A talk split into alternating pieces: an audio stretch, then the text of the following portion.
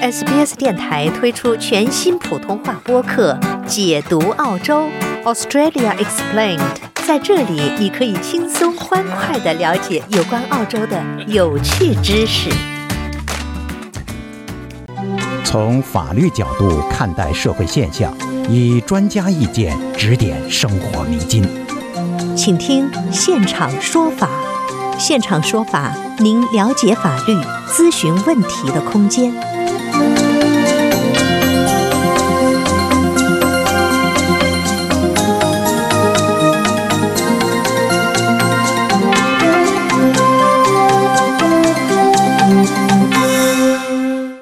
听众朋友您好，欢迎您继续收听 SBS 广播中文普通话节目为您带来的现场说法听众热线节目。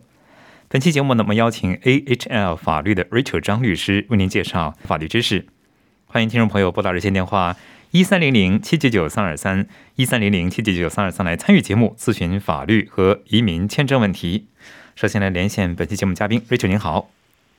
哎，你好，Jason。呃，谢谢 Rachel 这么早做客我们的节目哈。现在呢，线上已经有听众等候我们，先来接听两位听众电话。这位是徐先生，徐先生您好。哎，是大家好。哎，您好，您请讲。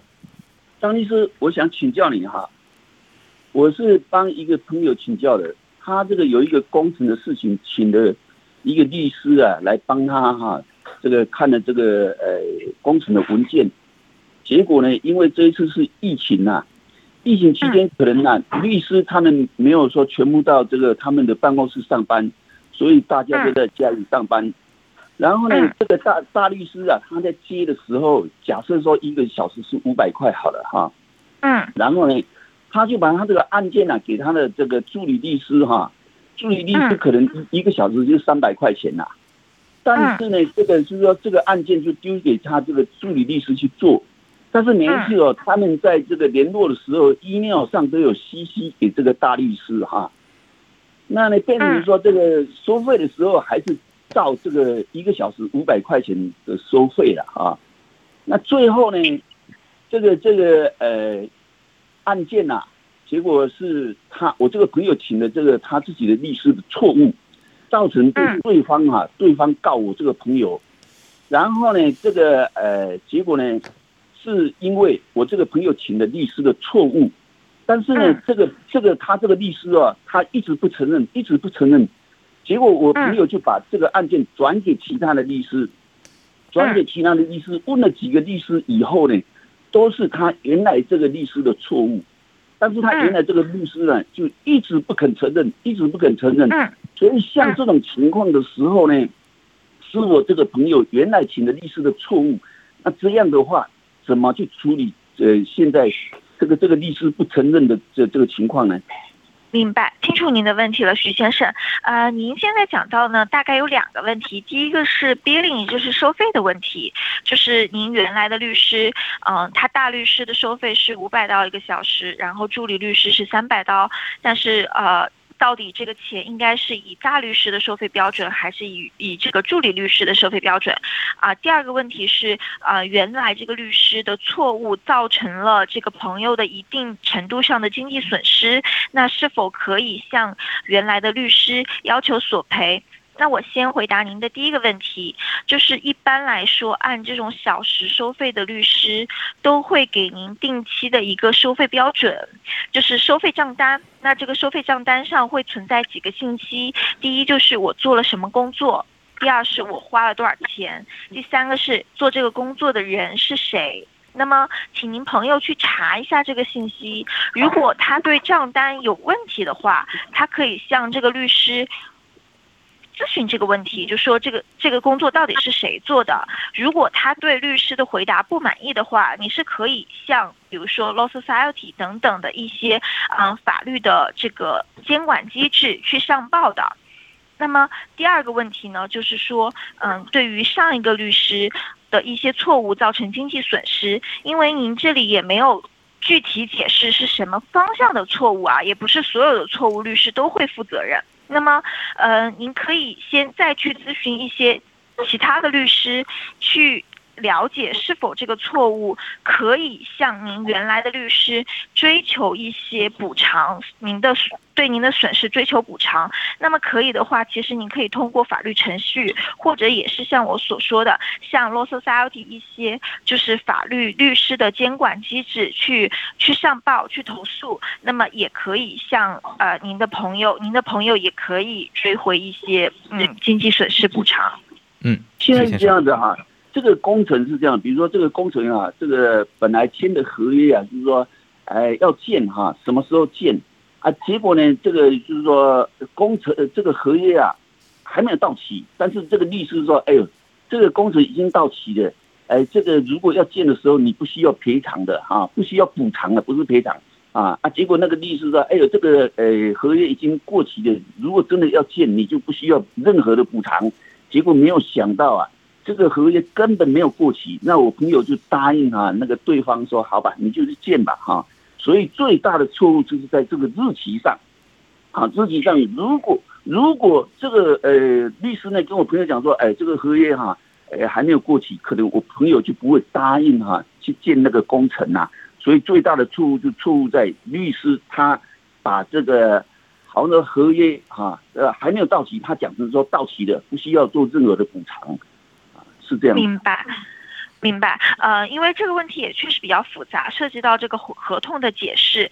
甚至还涉及到，就是这个律师跟你朋友的这个委托协议。那么我这里没有办法给您非常具体的意见。如果真的按照您说的这样简单，就是一个很明显的日期没有过期，然后律师错误的建议的话，那完全应该是有可以向这个律师追求一定的呃赔偿的。嗯，那你刚才说什么 society？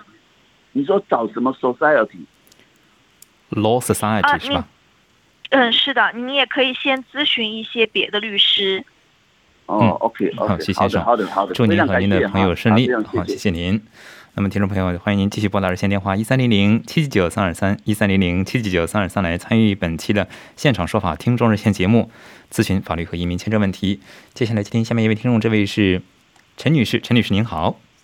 好，是我吗？哎，是您，您请讲，陈女士。哦，谢谢你，谢谢您。我想请问律师一下，怎么最简单的方法不去法庭，就是说能拿到表填表这个过程离婚，能告诉我一下吗？哦，你好，陈女士啊，是这样子的，离婚，嗯。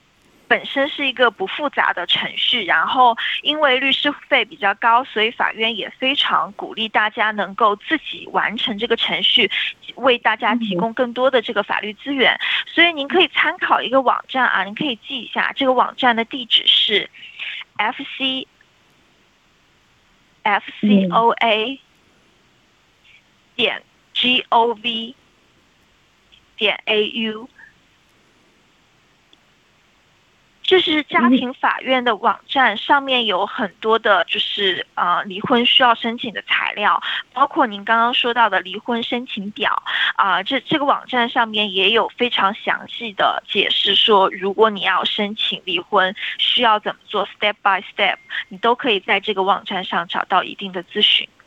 呃，最简单的方法，您先告我一下，怎么去到这个法院的这个地址在悉尼，我去那儿问去吧，我在那儿领表。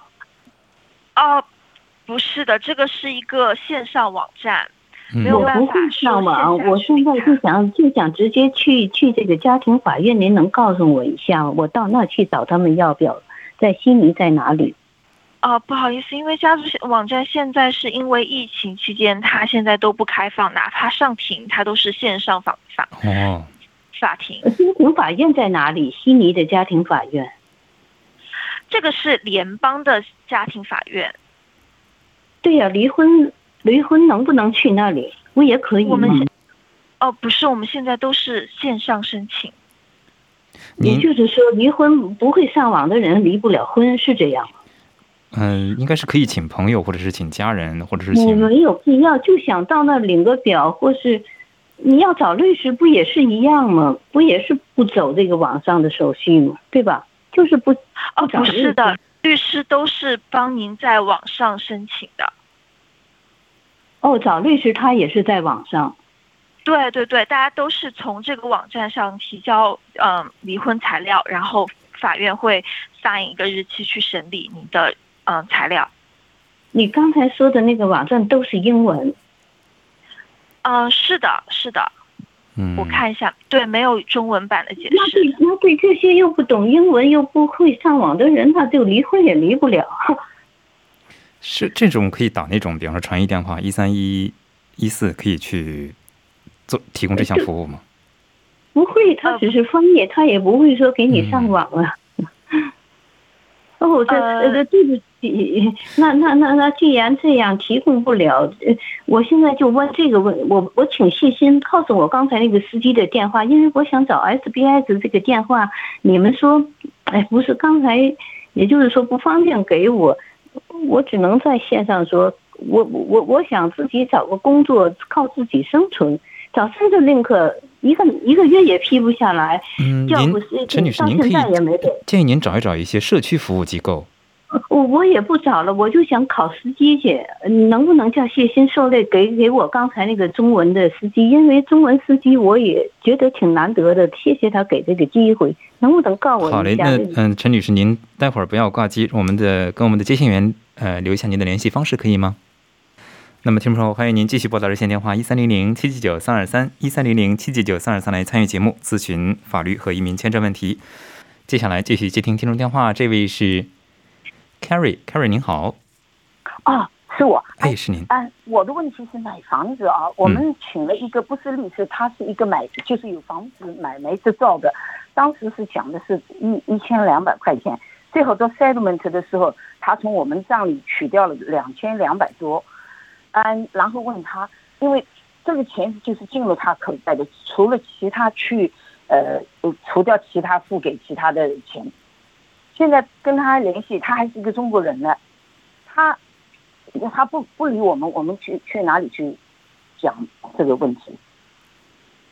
嗯，张律师，哎，您好，Carrie，是这样子，我刚刚听了您的情况，就说您现在找的这个应该是一个 conveyancer，而不是一个律师，就是中文说的是房产过户师，对吧？嗯，对对对，呃，那他之前跟您商量了一个一千二百块的价格，最后收取了您就是大概两千多的这样一个价格。首先这个问题我们先要先看一下，就说你们当初的这个合议协定，就说呃你们当时应该签了一个类似于像 cost agreement 的一个东西。那么这一千二百块的东西。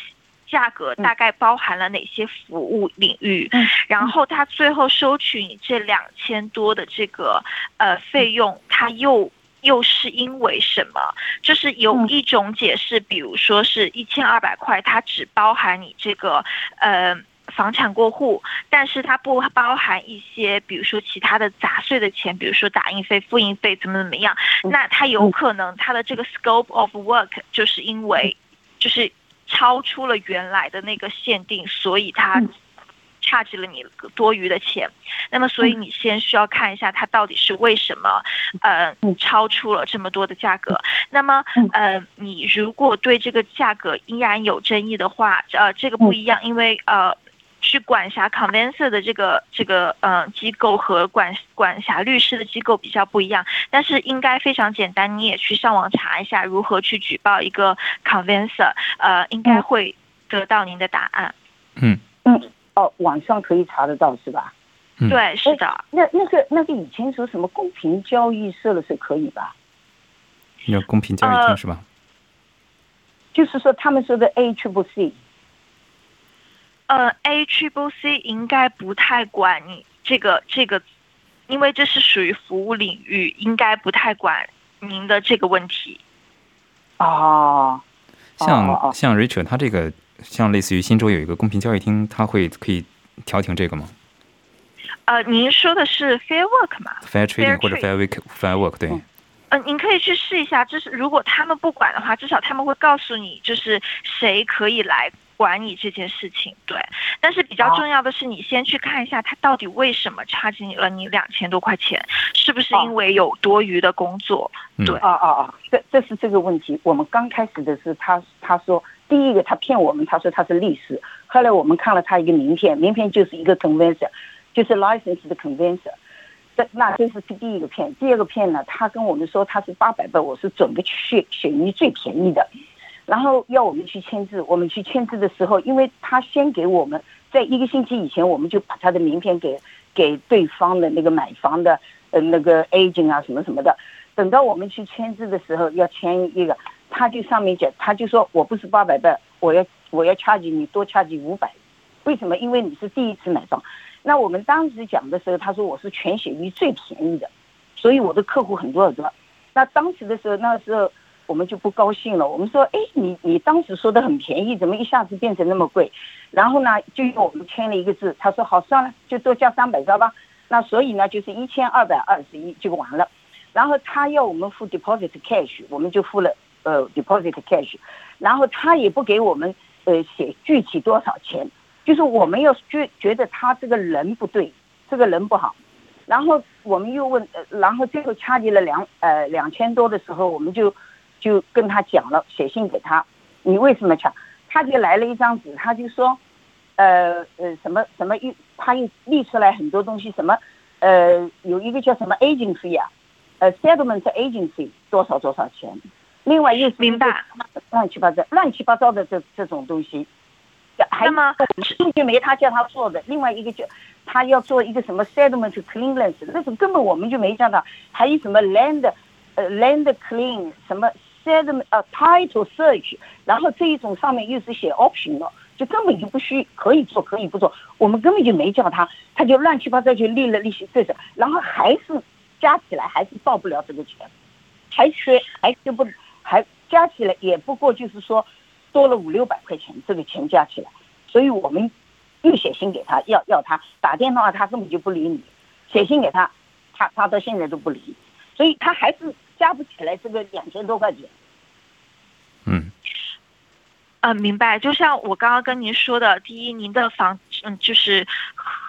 交易合同上面，就是您和这个 conveyancer 的这个合约协议里面，应该会包含这原来他跟你说的一千二百块包含哪些工作项目。就像您刚刚说他多 charge 你的那些钱，那些都属于在房产交易当中一些正常的手续费，包括你刚刚说的那个 title search。啊，我的问题他讲话不算数，讲话不是，你他已经全部讲好了。他说我就是这么钱，再也没有了，所以到我口袋里的钱就是这一些。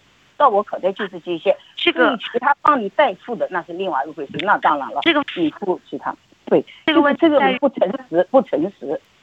这个问题在于您所说的讲话不算数，在法律意义上来看，他是什么谁讲的话，讲的哪些话，就是你跟他的语言沟通可以算作讲话沟通的一部分，但是这份合约信息可能会。作为更重要的部分，那么这些合约信息会讲到说这一千二百块包含哪些工作量？没有没有没有这合约，根本就没这个合约，他没有，我们根本就没有签这个字，他也没有给我们，他就是拿了一张我们付了定金了五百块钱的一张一张 deposit 的纸。至于多少钱，他根本就没写，我们就觉得，因为我们非非常相信他，因为他是中国人，我们非常相信他，所以呢，我们也没有他给了一个定金，也不写他是应该收多少费，他是准备好的。我觉得他这个人不是第一次对我们，对其他人也是这样的，所以我觉得我这这个人应该要。这样这这种情况，你是建议说可以比方说联系一下 Fire Trading 或者是 Firework，让他们看能不能调停，或者是能不能介绍一个第三方机构来调停，是吧？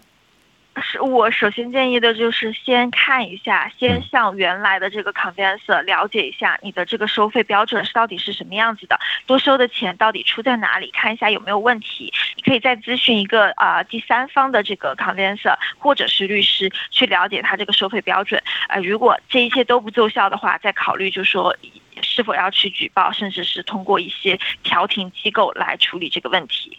嗯。好的，谢谢 r y 祝你顺利。现在的问题就是说，跟他打电话，跟他写信，他都不理你。如果对方不理的话，那是是不是可以直接调停呢？对你，如果对方积极不不会积极配合您的这个处处理的这个嗯流程的话，你完全可以直接请第三方介入。嗯嗯，好的，谢谢 r y 祝您顺利。那么，听众朋友，欢迎您继续拨打热线电话一三零零七七九三二三一三零零七七九三二三来参与节目，向现场的律师咨询法律和移民签证问题。那么，Rachel 刚才有一位听众哈，就是 Carrie，他是咨询了这个啊，相当于是一种可潜在的乱收费的问题哈。就是我特别想让您来介绍一下，如果就是日常生活中这种签个合约啊，就买别人的服务哈，买别人的产品啊，这种这种情况是非常多的，每个人都会遇到哈。怎么样才能比较好的避免这种后续的一些乱收费问题呢？您觉得？啊，是这样子的，就是一般来说收费，比如说律师收费，或者是说嗯其他的啊理财机构啊收费这些，一般来说都会有一个呃收费协议，就是 cost agreement。呃，我们也见过，比如说呃你。请一些承包商、工程的承包商收费，这些都会存在这个东西。那么这份东西其实是一个非常重要的法律文件，它会告诉你我如何收费、收多少费、为什么我要收这些费，并且我收费涵盖的服务内容是什么。就举一个非常简单的例子，比如说刚刚啊那位有一位女士问到说这个离婚收费，如果是在律师行业的话，那么我们会解向他们解释的非常清楚，就说律师的收费是怎么样子的，但是在离婚申请过程。中存在第三方收费，就是法院的这个第三方的离婚申请费，这个我们是不包含或者是包含，这些在我们的协议里都会非常清楚。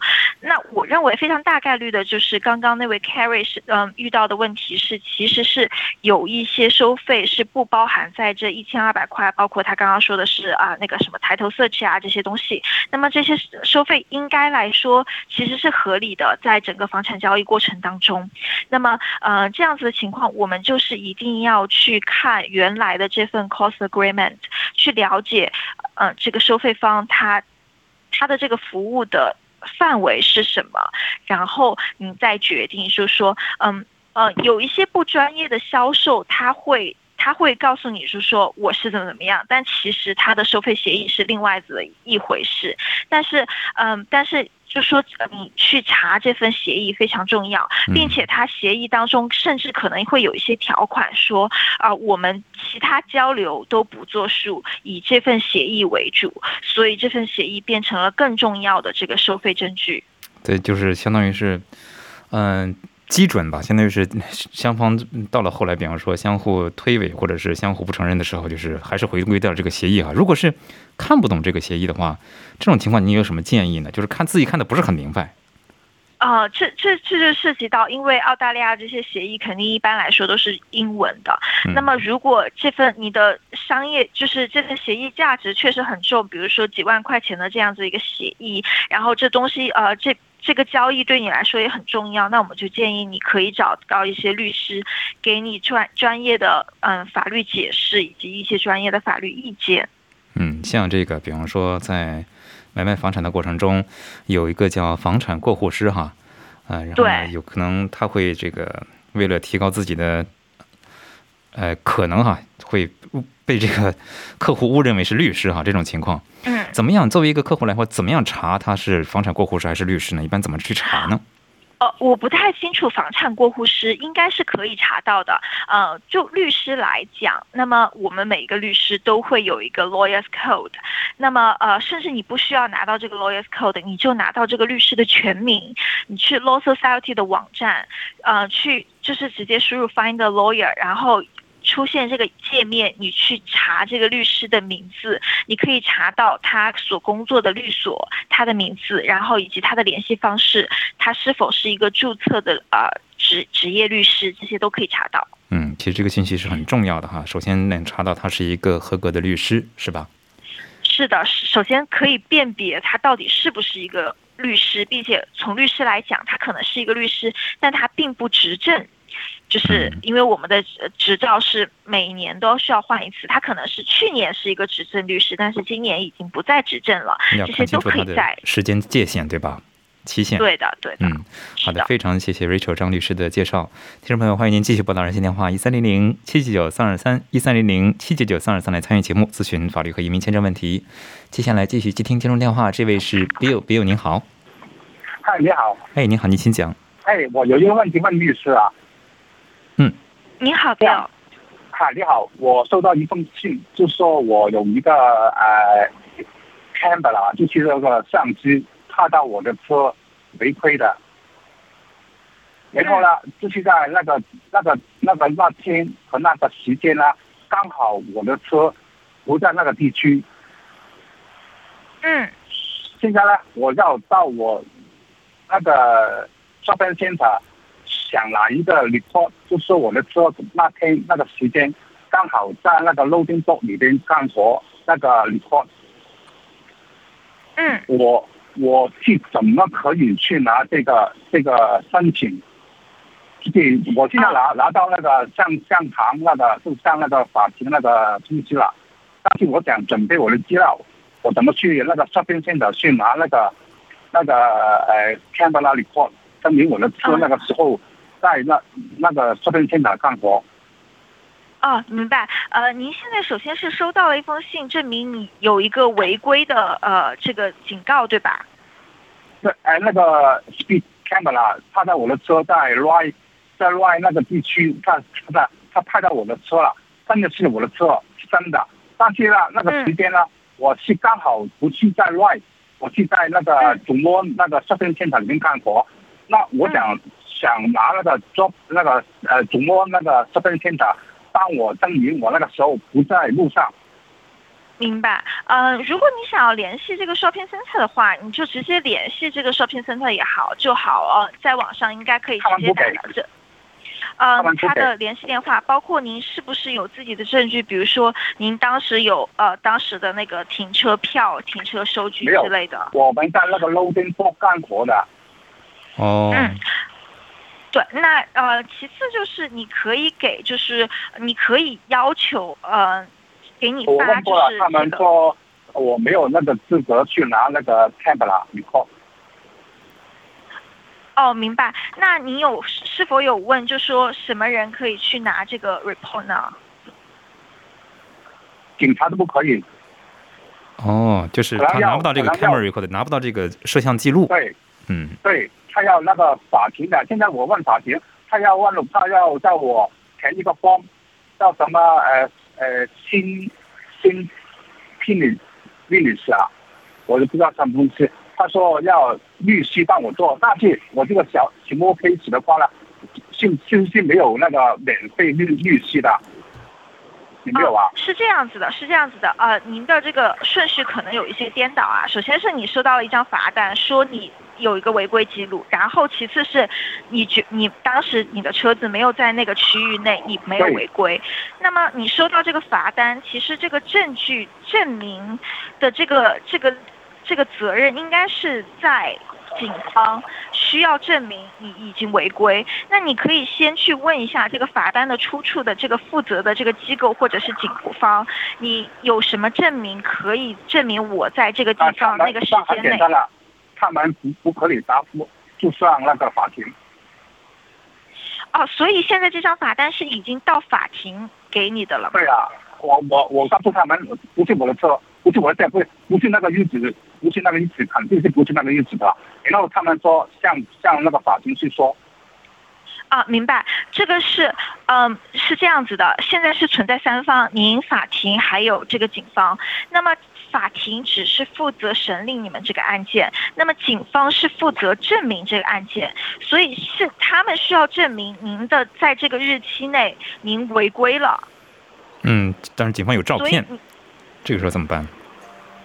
这个就是如果真的像呃这位先生所说，他的车子当时没有在那个地方，那么他们的证据应该是不充分的呀。嗯，但是你要向法庭去说啊。对，如果您这个案件已经上庭了的话，应该会有一次开庭，您可以向法院去陈述这个事情。嗯，如果不行的话，是不是最终必得找证人呢？对啊，我我在这个举证的责任在警方，而不在你。哎呀，由于时间关系，就不得不打断两位了。那么祝笔友顺利哈。那么听众朋友，以上是今天两个小时的中文普通话节目，非常感谢 Rachel 做客本期的现场说法节目。我是刘俊杰，明天同一时间仍然与您准时相约。想听到更多这样的故事吗？您可以通过苹果播客、谷歌播客、Spotify，或者您喜爱的方式下载收听。